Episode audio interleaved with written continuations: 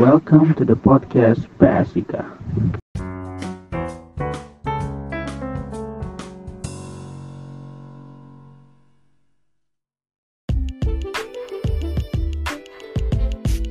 Halo semuanya, selamat pagi, siang, sore, atau malam, dan selamat datang di podcast PSIK. Nah ini podcast PSIK yang perdana ya. Di podcast ini gue jelasin dikit ya.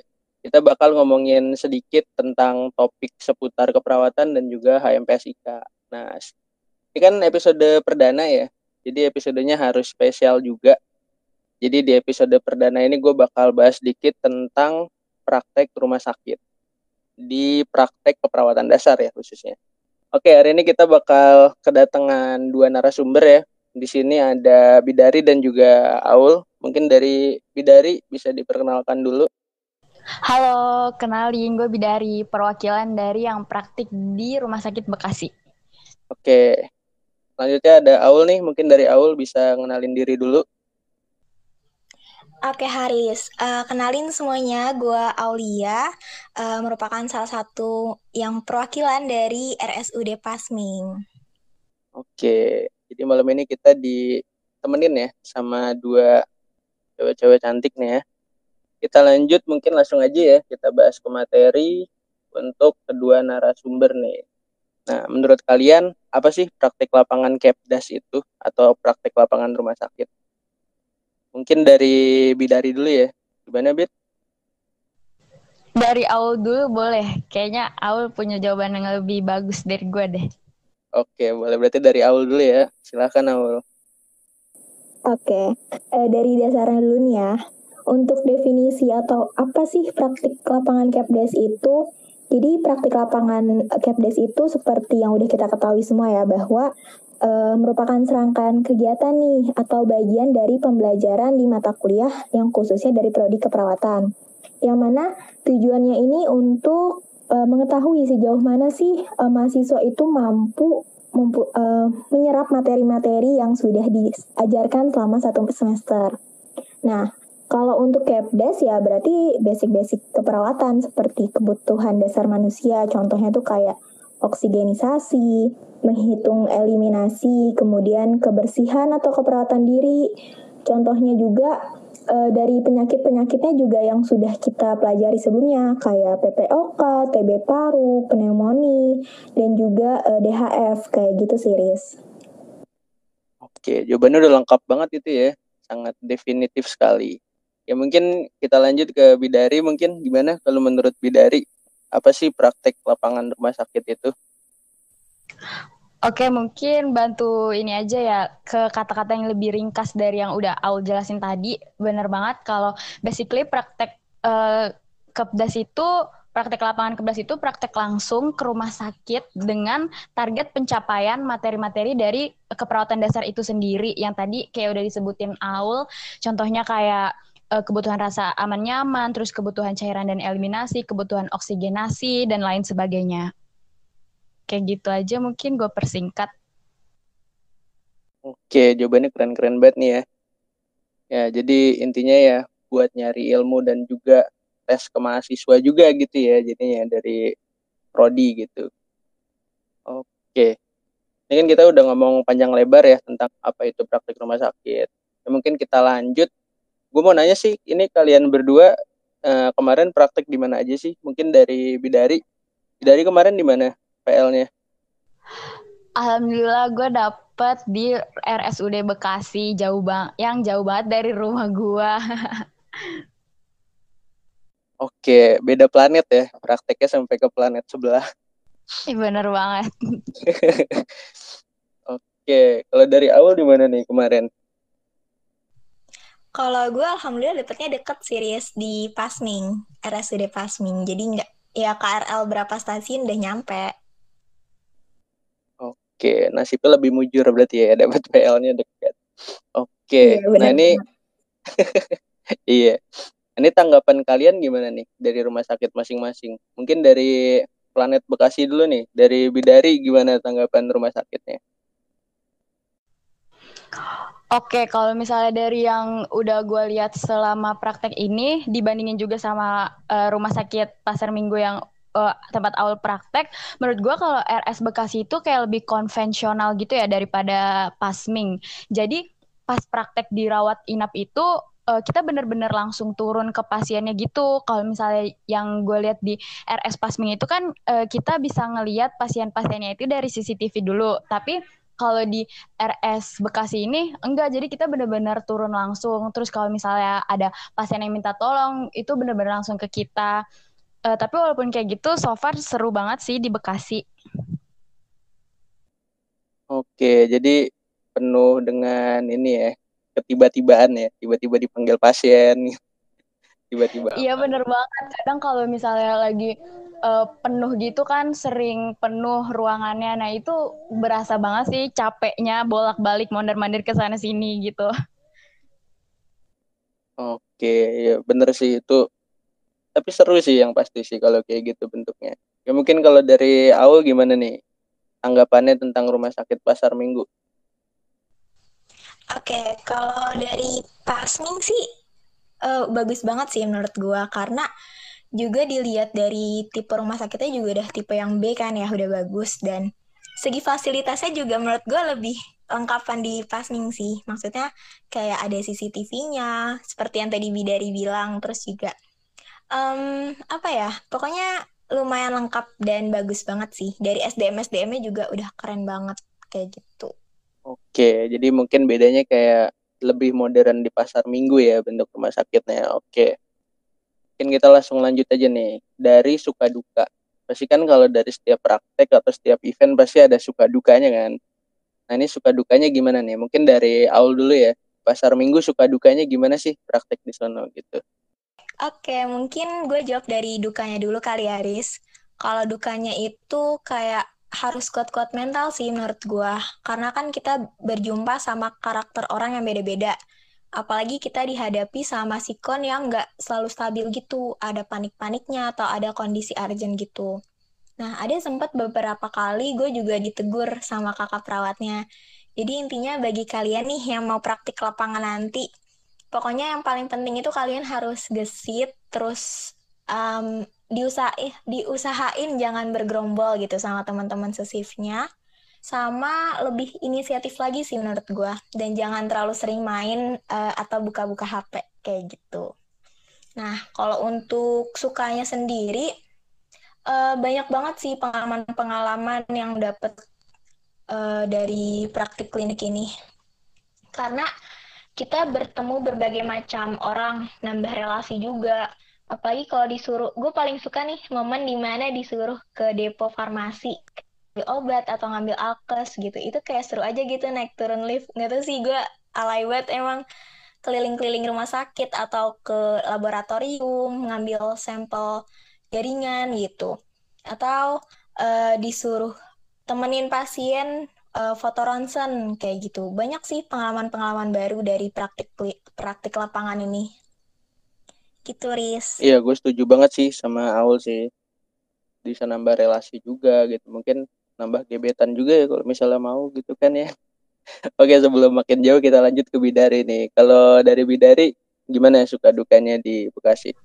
Oke tadi kan uh, kalau awal mulai dari duka, mungkin kalau gue dari sukanya dulu kali ya. Kayak eh, nggak uh, jauh beda sih sama yang udah awal bilang tadi. Kalau emang uh, kita tuh banyak banget dapat kesempatan buat ngelakuin tindakan langsung gitu ke pasien. Contohnya kayak ambil pasien da ambil sampel darah, terus kayak masang kateter, masang NGT, ngasih makan lewat NGT gitu. Walaupun kita nggak ngelakuin langsung, uh, kita bisa ngelihat langsung gitu. Intinya kita ada di lapangan itu dan bener-bener nambah ilmu, nambah skill banget. Terus juga uh, kakaknya baik-baik banget, selalu ngebimbing dan support kita dan uh, kakaknya tuh terbuka banget gitu kalau misalnya eh, kita tanya-tanya tentang kita penasaran tentang tindakan ini, tindakan itu, terus pasien ini misalnya sakit apa, terus ini dikasih obat apa, biar apa gitu, kakaknya bener-bener terbuka banget kalau yang gue rasain. Terus kalau buat dukanya itu, uh, ini sih apa menurut gue praktek di rumah sakit tuh capek banget uh, capek fisik, capek pikiran juga karena tugas sama laporannya yang harus dibikin tuh bener-bener banyak banget dan juga eh ini sih nggak gue nggak hoki karena dapet rumah sakit yang jauh dari rumah jadi harus ngekos gitu sih kalau gue Iya seru tapi capek ya. Karena jauhnya itu. Ya, oke. Mungkin kita lanjut nih. Kelanjutannya ini berhubungan sama duka tadi ya. Nih, ada nggak sih kesulitan-kesulitan pas kemarin praktek rumah sakit? Mungkin dari Bidari dulu. Gimana, Bid? Apakah di Bekasi ada kesulitan-kesulitan gitu? Oke, kalau eh, dari kesulitan yang gue rasain sih ini ya apa? eh, gue ngerasa kayak kurang banget terpapar informasi tentang praktik klinik itu sendiri karena eh, ini kan gimana pun praktik klinik pertama kita jadi tuh kayak gue ngerasa kurang banget dapet informasi gitu tentang gimana gimananya apa yang harus kita lakuin kayak gitu-gitu sih Eh, jadi saran gue kayak bener-bener banyak tanya-tanya aja sih mau ke dosen, ke cutting gitu. Dan itu juga sebenarnya tujuan kita bikin podcast ini kan buat nambah wawasan sama eh, adik-adik tingkat kita yang mau praktik klinik gitu. Terus eh, abis itu kesulitannya pas awal-awal tuh masih nggak ngerti sama sekali sama tugas-tugasnya gitu. Jadi kayak masih blank aja masih bingung mau ngapain sih kita praktek di RS gitu. Terus suruh ngapain aja. Terus juga eh, yang paling kesel sih beberapa kali eh, ada miskomunikasi dari pihak RS maupun dari kampus. Jadi kayak eh, miskom gitu antara pihak RS sama pihak kampus. Jadi informasi yang dikasih ke kita juga eh, kayak salah gitu sering diralat informasinya. Terus apalagi suka ngasih informasi mendadak kayak tiba-tiba besok udah harus ngumpulin swab test gitu. Jadi aduh ini banget sih ngerasa kesulitan banget di situ. Gitu sih Riz kalau gue. Iya sih, bener. Pengalaman juga sih. Banyak, ya masalahnya sama mungkin dari sisi miskomunikasi gitu. Terus juga kultur shock juga ya jadinya karena baru pertama kali di rumah sakit. Jadi ada bawaan kultur shock gitu kayak ini harus ngapain, harus ngapain gitu. Iya benar ngerasa ngerasa culture shock banget pas masuk rumah sakit. Aduh ini gue harus ngapain gitu kan bingung banget jadi krik. Iya, problemnya sama sih kurang lebih. Oke, kalau dari Aul gimana nih? Ada kesulitan-kesulitannya nih di pasar minggu? Gimana Aul? Oke, kurang lebih sama sih sama yang Bidari bilang tadi. Kayak kan di awal-awal sebelum praktik tuh banyak banget yang harus kita persiapin dari yang swab antigen juga, dari eh, APD kita harus beli APD juga dianjurin gitu. Dan di awal-awal shift itu kayak bingung gini harus apa sih yang dilakuin? Kayak harus ada operan kan. Nah, apa aja yang harus di eh, persiapin gitu. Dan paling takut sih pas pertama kali jumpa sama pasien sih, kayak takut aja gitu ditanya sama pertanyaan yang nggak bisa kita jawab. Kayak gitu sih kesulitannya. Terus sama paling, jujur gue paling susah buat bagi waktu. Kayak gue bingung banget pulang dari RS, terus antara milih istirahat atau nyicil ra- laporan tuh kayak bingung gitu. Di satu sisi kita harus ngejar laporan, tapi pernah juga gue jumping gitu kan. Nih hari pertama gue R- eh, shiftnya itu siang dari jam 1 sampai jam 9 malam. Terus besoknya itu pagi. Jadi kayak ngebagi waktunya sih lumayan susah banget kalau menurut gue gitu. Sih, Riz. Agak ya agak berat juga sih ya bagi waktu karena dari segi mungkin ada jadwal kuliah juga ya, terus ada ya macam-macam lah dari segi pembagian jadwal gitu. Oke, ini tadi kan kesulitan nih. Sekarang keseruan. Ada nggak nih keseruan-keseruan di rumah sakit kemarin? Mungkin dari Aul dulu, mungkin apakah ada keseruan di pasar minggu? Ada banget, banyak banget sih pengalaman yang gue alamin eh, praktik kemarin. Contohnya tuh kayak gue ketemu pasien eh, luka bakar, yang mana bener-bener sekujur tubuhnya tuh diperban semua.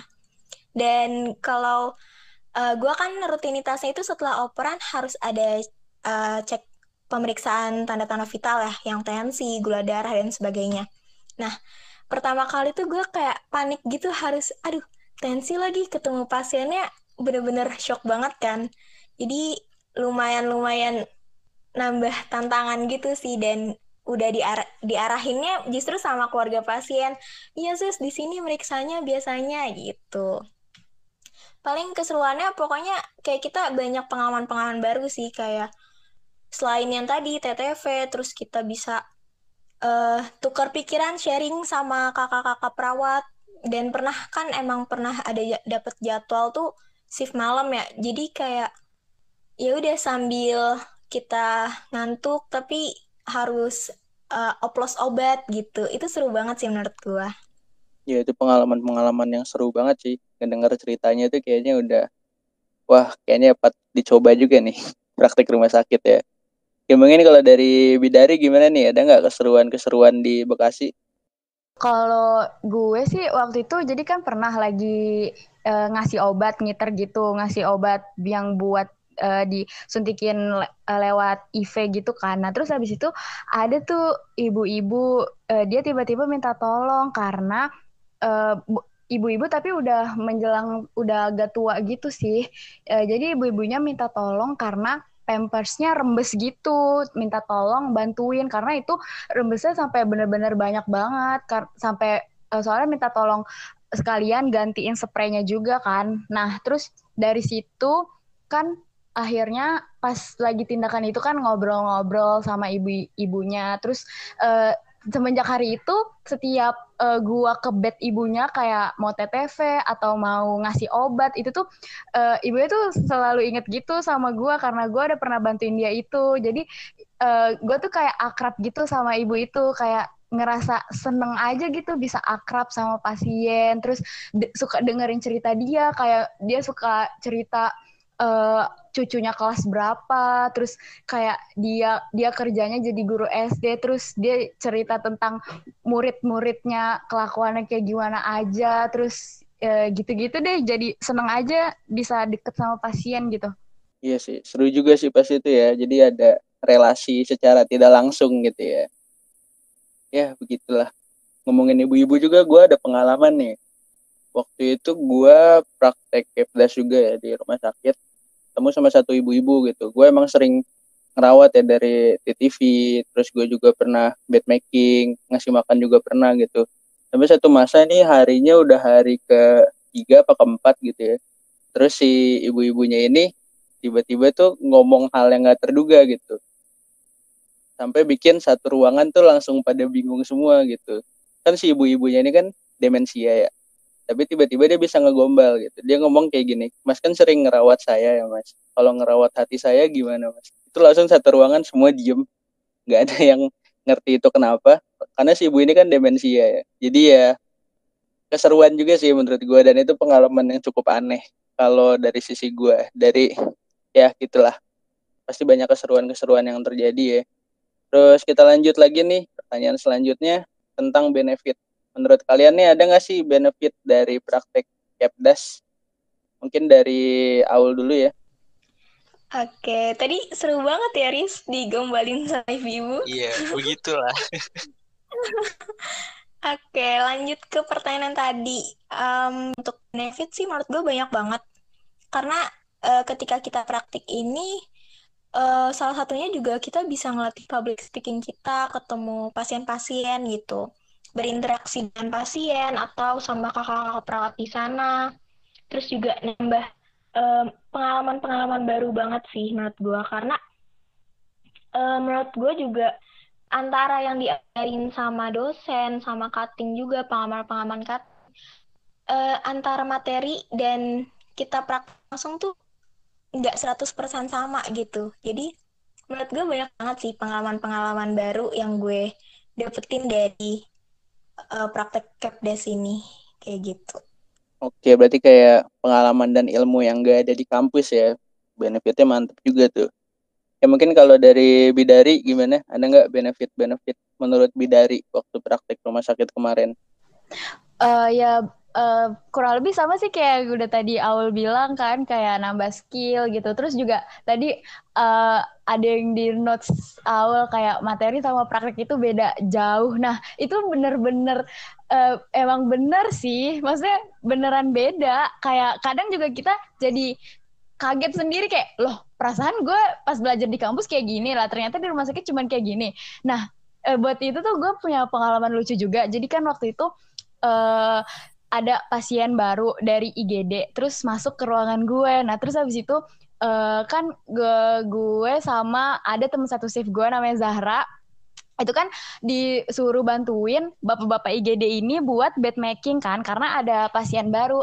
Uh, terus habis itu uh, kita kan um, narik spray, mau masang spray. Kalau misalnya di kampus kan diajarin uh, masang spray itu kan kayak susah, sulit banget gitu kan, harus bikin sudutnya, merhatiin ini itu. Terus tapi tuh pas bapak-bapak IGD tuh langsung ditarik gitu, ujungnya digulung terus langsung dimasukin. Terus gue kayak, hah?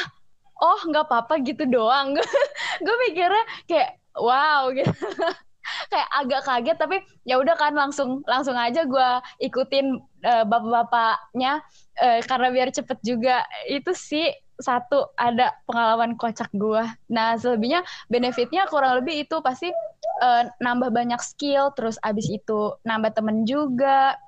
Uh, terus juga tadi kita jadi ngadepin macem-macem orang. Jadi kita tahu gimana harus nyikapin dari perbedaan-perbedaan orang itu kayak gitu sih kalau gue Oke, ya sama sih ya berarti ya kurang lebih ya benefitnya lebih ke arah pengalaman yang gak ada di kampus dan ilmu-ilmu baru juga termasuk ngikat kasur ya. Kasurnya langsung diikat aja nggak usah disudut-sudutin. Iya benar banget. iya, itu ya, emang kaget juga, sih. ngikat ngikatnya jadi kayak gulung-gulung gitu doang kan gitu ya langsung disumpelin jadi ya Allah padahal udah mikirin pakai sudut berapa derajat lah amplop lah gitu-gitu keren sih emang perbedaannya lumayan signifikan. Iya bener banget. Gue kayak pas ngeliat bapak-bapak IGD-nya langsung loh ini nggak apa-apa. Ternyata kayak gitu doang. Jadi kocak sih. Iya istilah yang penting rapi ya. Oke. Okay. oke kita lanjut nih. Selanjutnya sebelum ke akhir acara ada pertanyaan-pertanyaan dari teman-teman mahasiswa nih. Jadi kemarin udah dihimpun beberapa pertanyaan dan udah gue kelompokin nih. Ini langsung lanjut ke pertanyaan pertama. Itu dari Astuti Ningtyas ya. Dia nanya nih, apa saja yang perlu dipersiapkan untuk praktek keperawatan dasar? Apa aja persiapannya gitu ya. Ya mungkin dari siapa dulu nih yang mau jawab nih, Bidari atau Aul? Boleh Bidari dulu. Oke, mungkin dari Bidari ya. Oke, Bidari, silahkan persiapannya apa aja gitu.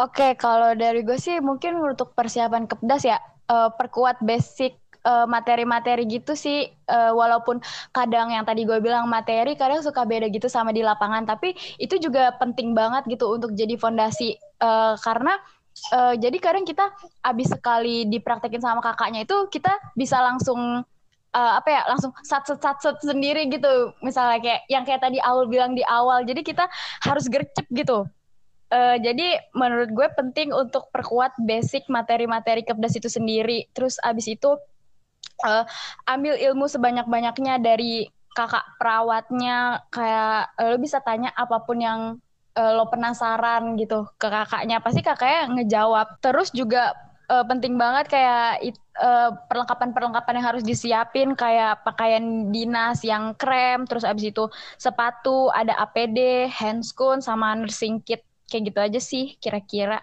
Oke, itu bisa di note ya, Stuti ya. Ini kita lanjut deh ke Aul mungkin dari Aul. Gimana Aul? Buat persiapannya apa aja nih?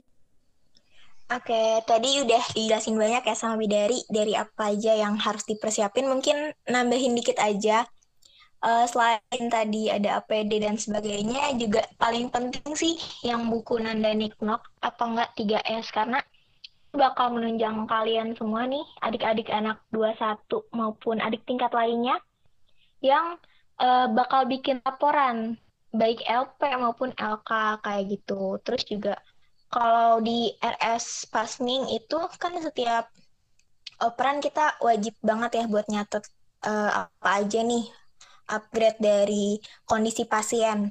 Nah, itu wajib bawa notes kecil buat kita uh, tulis misalkan kayak pasien ini uh, eh, TPM-nya berapa, infusnya apa, atau pakai oksigen nasal kanul berapa LPM kayak gitu. Sama pulpen warna-warni yang jadi satu sih, yang kliknya itu satu tapi banyak warna kayak gitu. Paling gitu aja, sisanya udah dijelasin sama Bidari tadi, Riz. Oke, itu ya jawabannya Astuti ya mungkin nanti bisa di list dan dipersiapin. Oke, pertanyaan kedua dari Muhammad Gilang Maulana. Ini pertanyaannya uh, hampir mirip ya sama materi tadi yang sebelumnya. Jadi Gilang ini nanya, apa kesulitan yang terjadi saat praktik perawatan dasar? dan apa solusi dari kesulitan tersebut. Ya mungkin uh, siapa ya? Tadi kan yang duluan Bidari ya, sekarang Aul. Oke, mungkin dari Aul gimana Aul jawabannya? Um, untuk kesulitan uh, sama yang kayak tadi gue bilang kayak bagi waktu, terus bingung nih di awal pertama kali praktek harus apa yang dilakuin gitu. Sama paling solusinya ya kita harus lebih sering inisiatif aja buat bertanya sama kalau ngomongin waktu ya harus pinter-pinter sih bagi antara waktu istirahat sama nyicil-nyicil laporan kayak gitu. Oke. Lanjut mungkin langsung ke Bidari nih. Ada nggak nih kesulitan-kesulitan dan solusinya gimana? Oke, mungkin buat di Bidari persilahkan. Iya, untuk kesulitan yang kayak tadi sih ya, yang gua udah jelasin, ngerasa kurang banget terpapar informasi. Jadi solusinya itu ya uh, mungkin kita lebih harus banyak-banyak tanya mau ke dosen, mau ke cutting gitu kan. Terus kalau untuk yang kesulitan gua miskom antara pihak rumah sakit dan kampus, mungkin kan yang uh, langsung komunikasi sama kita itu kan pihak kampus. Jadi uh, apa ya pihak kampus bisa lebih bijaksana gitu buat ngasih solusinya. Terus kita juga jadi mahasiswa uh, bisa lebih aktif juga ya solusinya itu. Jadi kayak uh, bisa nanya-nanya terus gitu, mastiin ke Bu Vio. Gitu sih. Oke. Itu mungkin bisa di note ya buat Gilang ya. Ya, selanjutnya langsung ya kita ke pertanyaan ketiga nih dari Meotia Deva Amalia. Namanya agak susah ya, Meotia. Oke. Pertanyaan dari Meotia itu apa saja yang kita lakuin dalam kurung job desk ya berarti ya. Job desk itu kita ngapain aja selama di rumah sakit. Ya mungkin dari Bidari dulu nih. Gimana Bidari? job desk-nya apa-apa aja nih. Oke, kalau dari job desk itu uh, secara tekniknya ya, jadi kita harus menuhin target pencapaian dari mata kuliah keperawatan dasar itu sendiri.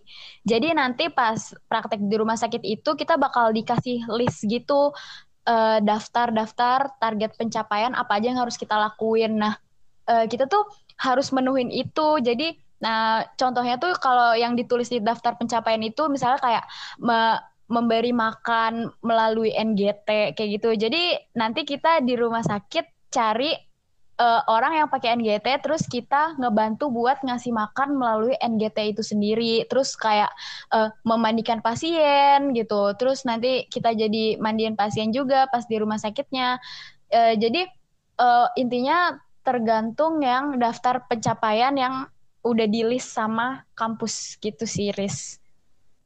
Oke, berarti kurang lebih gitu ya job desk-nya ya. Ini kalau dari Aul gimana, Aul? Oke, uh, untuk apa aja yang kita lakuin sih lumayan banyak sih list yang harus kita lakuin di tabel target pencapaian tadi Bidari bilang. Tapi ya masih yang basic dasar-dasarnya sih. Contohnya tuh yang pas setelah operan kita wajib TTV, kemudian uh, ngasih obat via intra intravena gitu terus juga cek gula darah, bed making, sebenarnya banyak sih yang kita lakuin itu. Terus apa lagi ya? Oh ya, gue pernah ini bersihin pasien tuh yang pampers atau ngasih obat via uh, selain intravena tadi juga lewat suppositoria gue pernah. Terus hmm, paling sisanya tuh kayak observasi sih masa NGT itu kan masih observasi ya. Kita kan paling bolehnya ngasih makan atau minumnya doang yang via NGT terus apa lagi ya? Oh ya paling selanjutnya tuh kayak uh, disuruh sama kakak perawatnya up infus gitu. Atau mandiin pasien juga pernah kayak tadi Bidari bilang. Terus perawatan luka. Oh ya gue juga pernah nih nemuin pasien luka dekubitus yang uh, lumayan rada shock sih ngelihat luka gitu di daerah uh, alat apa bokong itu gitu. Selanjutnya juga oh ya gue pernah observasi juga pemasangan ETT dokter gitu kan yang masang. Dan masih banyak lagi target-target yang harus dicapai di uh, Capdes ini. Tapi seru sih overall ini dapat pengalaman baru. Jadi uh, dapat ilmunya tuh banyak banget dari praktik ini kayak gitu Haris. Oke, mungkin itu bisa di note ya, Meotia ya, buat pertanyaannya. Oke, sesi tanya jawab udah selesai nih sama audiens ya, sama pendengar. Kita lanjut ke sesi terakhir ini, udah mau di penghujung banget. mungkin pertanyaannya adalah ada nggak sih kritik dan saran buat praktik Kepdes ke depannya? Oke, kalau untuk uh, kritik uh, ini series yang paling mengganggu gua dan bikin kesulitan itu yang tadi karena sering terjadi miskomunikasi antara pihak RS dan kampus dan uh, suka ngasih info dadakan. Uh, jadi saran gua semoga komunikasinya bisa lebih baik lagi mau dari pihak RS, dari pihak kampus ataupun dari pihak kampus ke mahasiswanya itu sendiri. Jadi kalau ngasih informasi nggak dadakan gitu. Oke, itu ya dari Bidari ya. Kalau dari Aul ada kritik dan saran mungkin? Iya Riz, untuk kritik sama kayak Bidari tadi, buat kita uh, meminimalisir miskom-miskom, ya harus ada peningkatan komunikasi juga sih antara pihak RS sama kampus dan juga mahasiswa kayak gitu. Kalau untuk sarannya apa ya? Mungkin saran buat mahasiswanya kali ya. Pokoknya buat dating-dating nih yang nanti bakal praktik, kalian harus nyiapin fisik yang kuat ya. Jangan sampai uh, sakit. Karena kan gak lucu kalau lu ngerawat tapi lu juga sakit gitu. Minum vitamin, terus juga apa ya? Banyakin uh, pelajarin-pelajarin lagi SOP SOP walaupun uh, nyatanya nggak 100% sama tapi seenggaknya lu udah punya uh, pengalaman atau pengetahuan gitu. Jadi kayak kakak perawatnya ngelihat, wah ini anak bagus nih udah tahu walaupun uh, ada miss-miss dikit gitu. Oke, mantep-mantep batu jawabannya ya. Kritik sarannya mungkin bisa didengar ke depannya buat penyelenggara. Oke, kita lanjut terakhir banget nih. Uh, tips and trick buat teman-teman yang mau praktek keperawatan dasar nih. Mungkin dari awal dulu, mungkin ada tips and trick khusus gitu buat teman-teman? Oke, yang tadi gue bilang sih tips-tipsnya atau saran-sarannya buat yang nanti bakal praktik. Pokoknya uh, kalian jangan sungkan buat bertanya sama kakak-kakak perawat maupun kating-kating kalian nih. Kayak, kak harus ini, harus ini, gimana sih caranya gitu.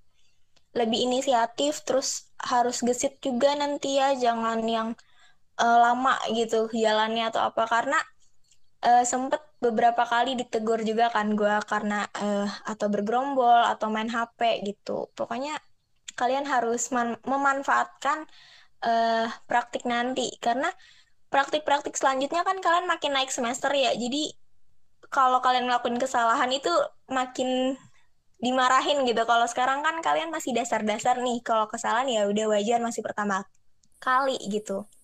Kayak gitu sih, Riz. Oke, kalau dari Bidari ada tips and trick nggak nih?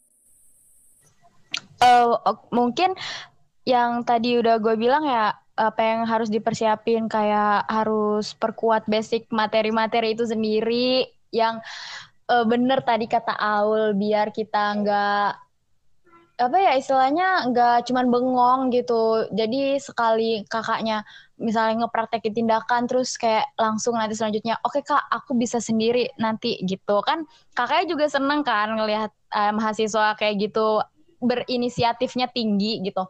Terus uh, ambil ilmu sebanyak-banyaknya dari kakak perawatnya terus kalau misalnya kalau dikasih kesempatan nih buat ngelakuin tindakan itu tuh uh, beraniin aja gitu diri kamu misalnya kayak suruh uh, up infus gitu Uh, Oke, okay, iya kak, bisa. Uh, tapi tolong mohon dibimbing ya kak, ya gitu. Pasti kakaknya juga ada di situ gitu nemenin kamu. Dan kalau misalnya uh, kamu ngelakuin salah atau gimana gimana, pasti nanti kakaknya langsung ambil alih dan kamu juga nggak bakal diomelin gitu sama kakaknya, karena masih dalam pengawasan kakaknya juga kan.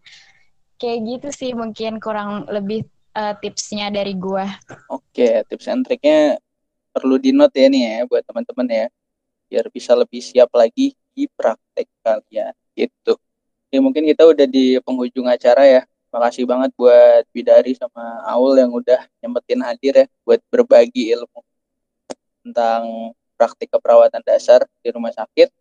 Makasih juga buat teman-teman yang udah dengerin sampai akhir.